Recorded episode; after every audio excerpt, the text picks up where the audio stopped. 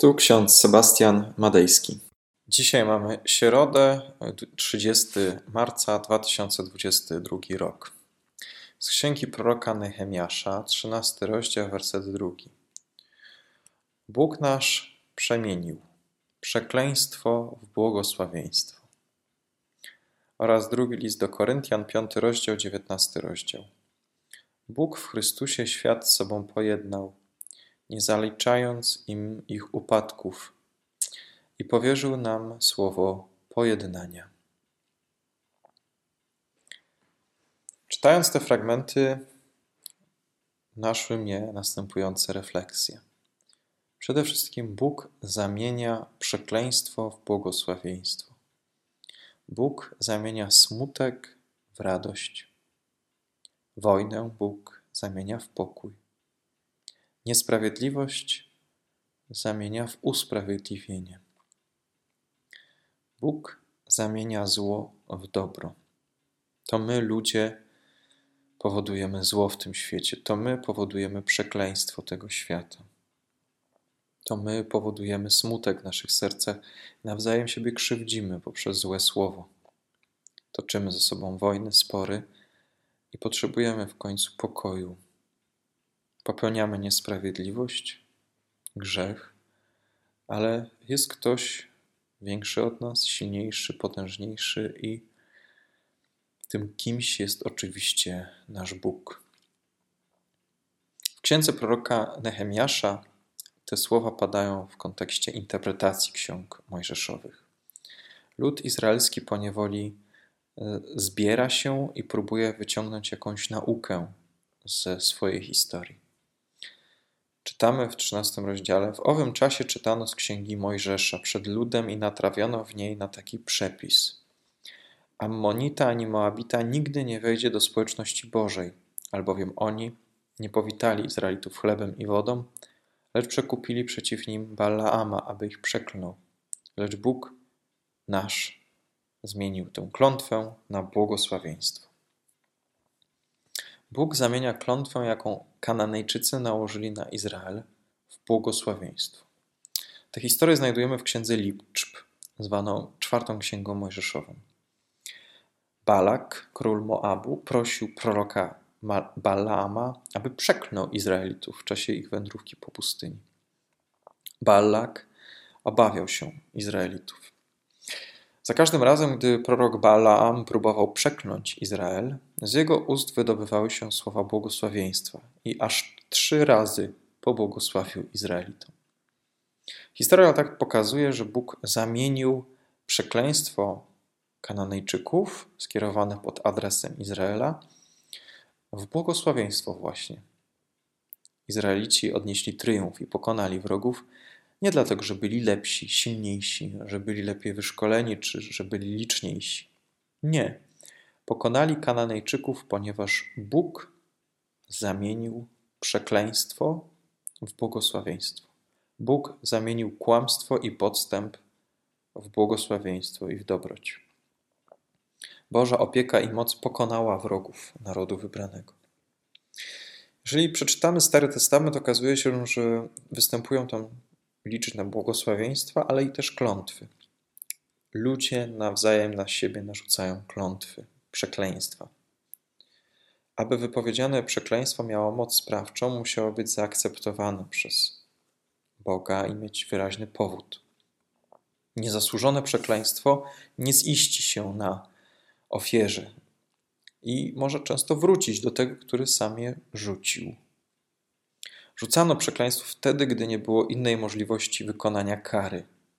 Często wtedy for, formułowano to w takich słowach: Niech Pan cię przeknie, niech Pan przeknie tego i tego za to i za to.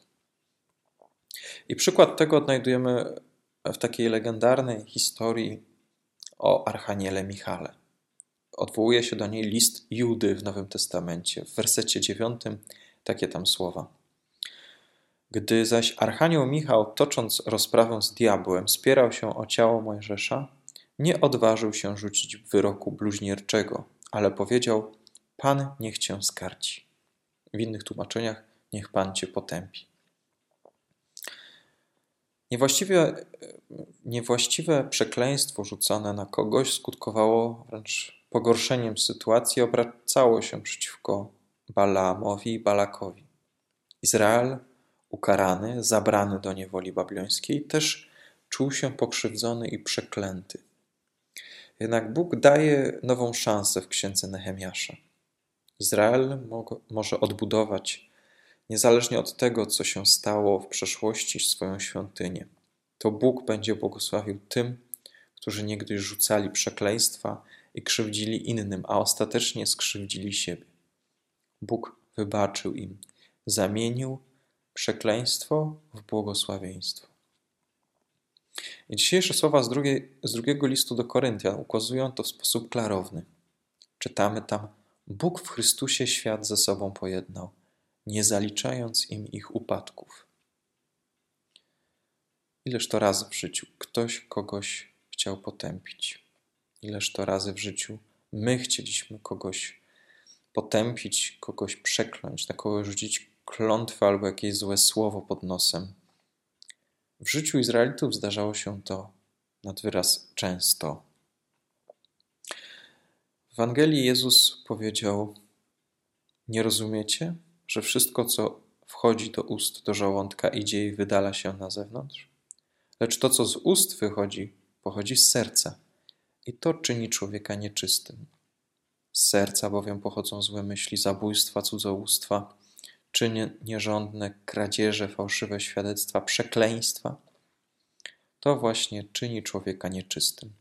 To zaś, co się je nieumytymi rękami, nie czyni człowieka nieczystym. Te słowa z Ewangelii Mateusza z 15 rozdziału pokazują, o co tak naprawdę chodzi. Że to przekleństwo, które wypowiadamy w stosunku do kogoś, prędzej czy później i nas dotknie.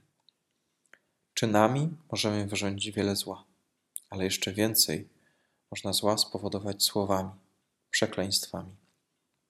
Dlatego Bóg powierzył nam słowo pojednania, a nie bluźnierstwa i złorzeczenia.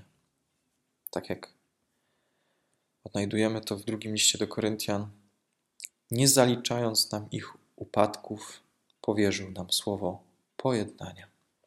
Tego Wam i sobie życzę, tego słowa pojednania w konfliktach i sprawach, jakie mamy w naszym życiu. Amen. Pomódlmy się. Drogi nasz Panie Boże, Ty zamieniasz nasze bluźnierstwa, nasze przekleństwa w służbę pojednania. Pobłogosław nam, Panie, poprzez Ducha Twego Świętego, abyśmy potrafili zmienić nasze życie. Wszak nie my sami z siebie to potrafimy i nie jesteśmy w stanie tego zrobić, ale Ty zawsze czynisz przez nas to, do czego nas powołujesz. Ty nas, Panie, zmieniasz, kształtujesz i nawracasz na właściwą drogę. Zamieniasz przekleństwo w błogosławieństwo. Prosimy Cię o to, abyś to uczynił z nami, to, co się Tobie podoba. Amen. A pokój Boży, który przewyższa wszelki rozum, niechaj strzeże serc naszych i myśli naszych, teraz i na wieki wieków. Amen. Więcej materiałów na www.trojca.waw.pl